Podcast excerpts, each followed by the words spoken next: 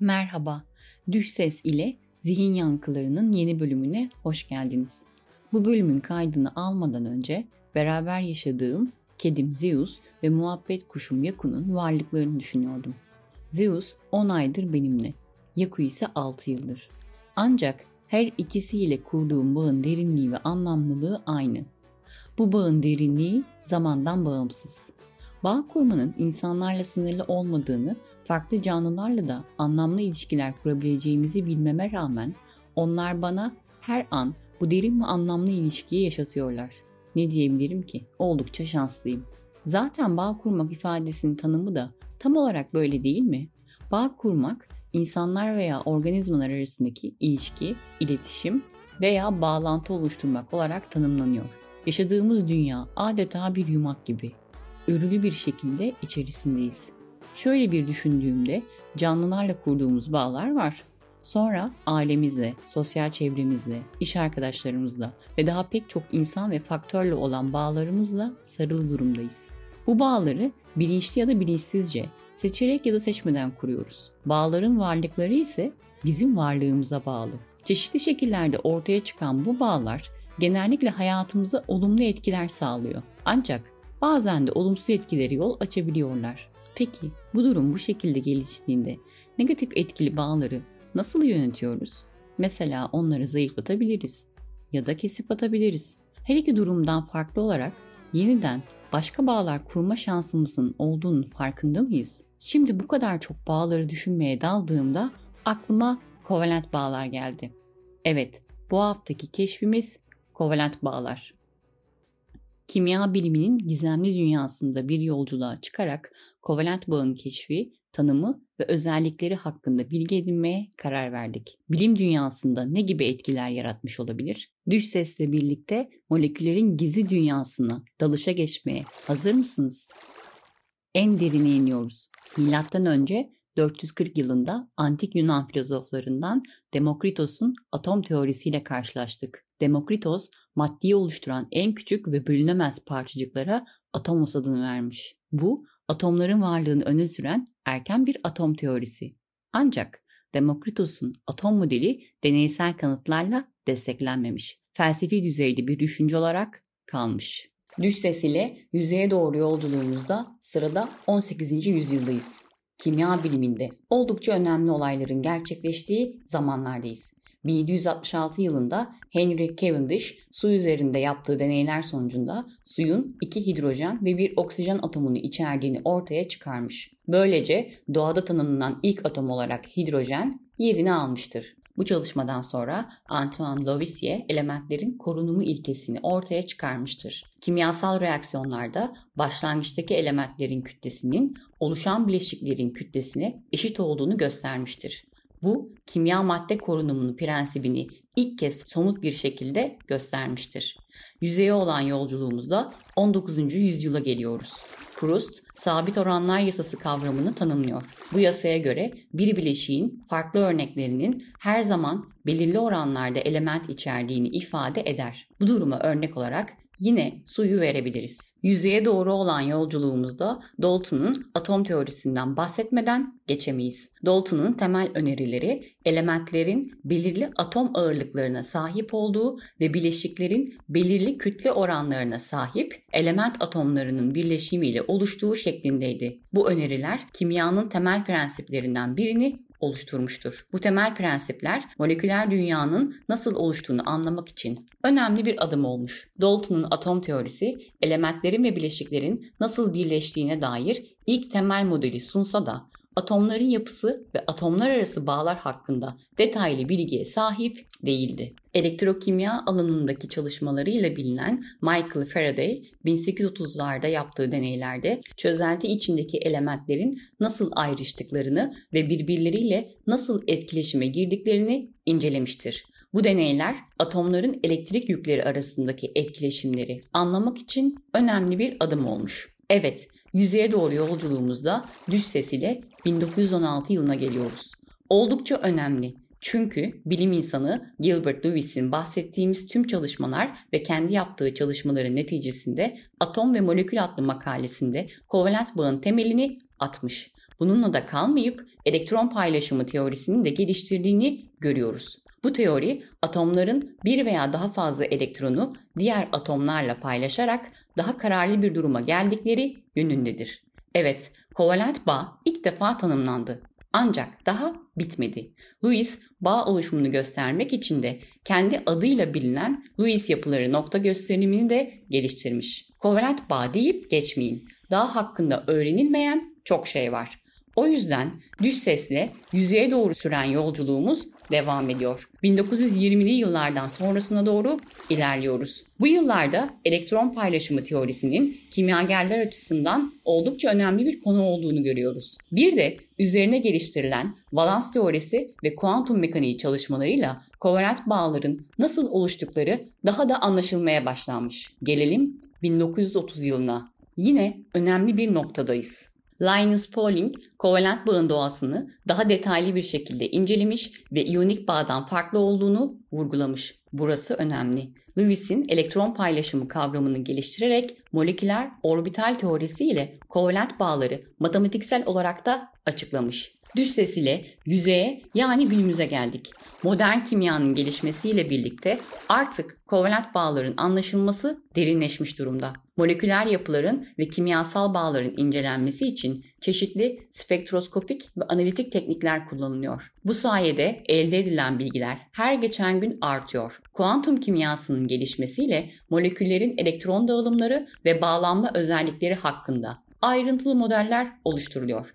Her bilim insanının bir önceki bilgiyle ve en önemlisi kendi sorularına cevaplar arayarak kimya biliminin devrimi kovalent bağı tanımlamakla kalmayıp onun hakkında yepyeni bilgiler elde etmişler. Düz sesle sırada kovalent bağ ile ilgili öğrendiklerimizi toparlamaya geldik. Neler öğrendik? Şöyle bir sıralayalım. Atomlar arasında elektronların ortaklaşa paylaşılmasıyla oluşan kimyasal bir bağ türü kendisi. Genellikle moleküllerin oluşumunda karşımıza çıkıyor. İki atom en dış elektronlarını paylaşarak birlikte bir elektron çifti oluştururlar. Bu elektronlar arasındaki çekimi de kovalent bağ sağlıyor. Kendileri oldukça güçlü. Ancak iki atom arasındaki bağın gücü paylaşılan elektronların sayısına ve bağlanan atomların elektronegatiflik farkına da bağlı. Farklı koşullarda farklı şekillerde bulunabiliyorlar. Örnek verecek olursak su sıvı haldeyken kovalent bağlar tarafından oluşturulan hidrojen bağları ile stabil hale geliyor. Elektronları eşit şekilde paylaşan kovalent bağlara apolar bağlar denirken elektronları eşit olmayan kovalent bağlara polar bağlar deniyor. Son olarak da moleküllerin yapısını ve geometrisini belirliyorlar. Elektronların yerleşimi molekülün şeklini ve yapısını doğrudan etkiliyor. Sudan çıkma vakti. Düz sesle kareye doğru ilerliyoruz ve kovalent bağın bilim dünyasındaki etkilerine bakıyoruz.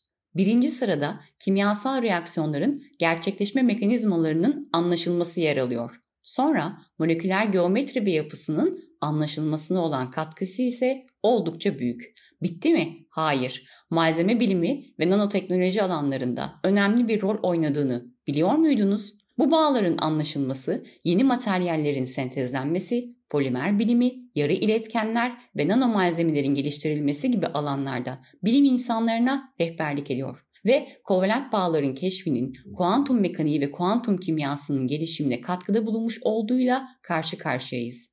Atomlar arasındaki bağlanma, elektron dağılımı ve moleküler yapılar üzerine yapılan kuantum mekaniği çalışmaları kimyasal bağlar hakkında daha karmaşık ve detaylı modellerin geliştirilmesini sağlıyor. Görüyoruz ki kovalent bağ sadece kimya bilimi için bir devrim yaratmamış. Neredeyse tüm bilim araştırmalarında yeni pencereler açmış. Her keşif başka keşiflerin bir kilidi gibi. Kilidi açtıkça yeni kilitlerin anahtarları oluyorlar. Kovalent bağların sadece laboratuvarlarda değil, aynı zamanda günlük yaşamımızda da ne kadar önemli olduğunu düşünelim. Hayal edin ki bir kafedesiniz ve sıcak bir fincan kahve ellerinizde.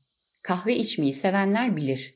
Kahve içmek bir lezzet şölenidir. İşte burada kovalent bağlar devreye girer. Kahvenin içeriğinde bulunan moleküller, su, kafein ve diğer bileşenler kovalent bağlar aracılığıyla bir arada tutulur.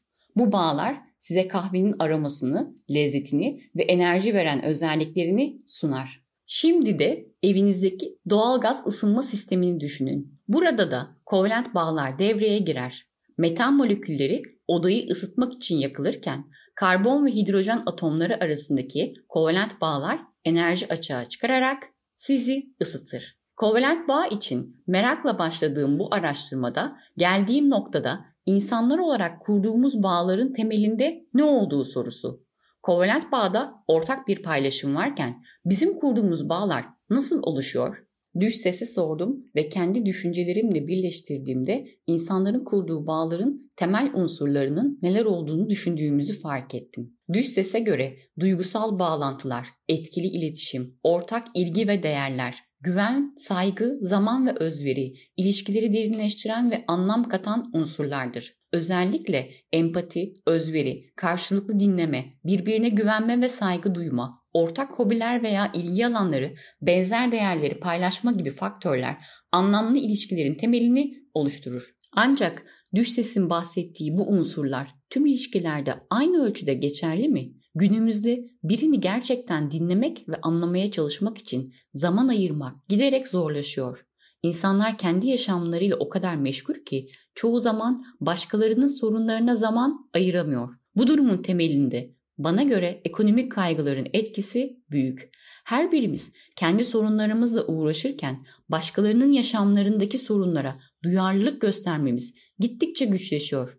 Biraz önce bahsettiğimiz unsurlardan olan empati her geçen gün azalıyor. Bu bağlamda sıklıkla karşılaştığımız ya da kurduğumuz basit sorularda bile başkalarını dinlemeye zamanımızın olmadığını gösteriyor. Mesela nasılsın sorusu aslında birinin duygusal durumu ile ilgilenmek anlamına gelirken ne yapıyorsun sorusu genellikle daha yüzeysel bir bilgi talebidir. Bu tür sorulara verdiğimiz cevapların arkasında yatan duygusal durumları anlamak ve paylaşmak gün geçtikçe daha karmaşık hale geliyor. Kendi deneyimlerinizde bu tür soruları nasıl yanıt verdiğinizi ve başkalarının cevaplarına nasıl tepki gösterdiğinizi düşündünüz mü bilmiyorum. Kendi gözlemlerime dayanarak şunu söyleyebilirim. Genelde hepimiz ne yapıyorsun sorusuyla başlatıyoruz diyalogları. Nasılsın sorusu kaybolmuş gibi. Düş ses ile sona doğru geldik. Bağların kurulmasındaki unsurlardan bahsettik. Peki bu bağların devamlılığı şart mı? Hadi gelin bir de ona bakalım. Herkes hayatının bir döneminde zamanla kendisine zarar vermeye başlayan ilişkilerle karşı karşıya kalmıştır. Bu bir partnerle olabilir, arkadaşla olabilir ve hatta aile bireylerinden biriyle de olabilir. Bir bağ veya iletişim bize zarar vermeye başladığında durumu değerlendirip kendi sınırlarımızı çizmek, sorunları açıkça konuşmak ve eğer çözüme ulaşamıyorsak bağı zayıflatmak hatta kesebilmek önemli. Ancak tüm bu adımları her zaman kolay bir şekilde uygulayabiliyor muyuz?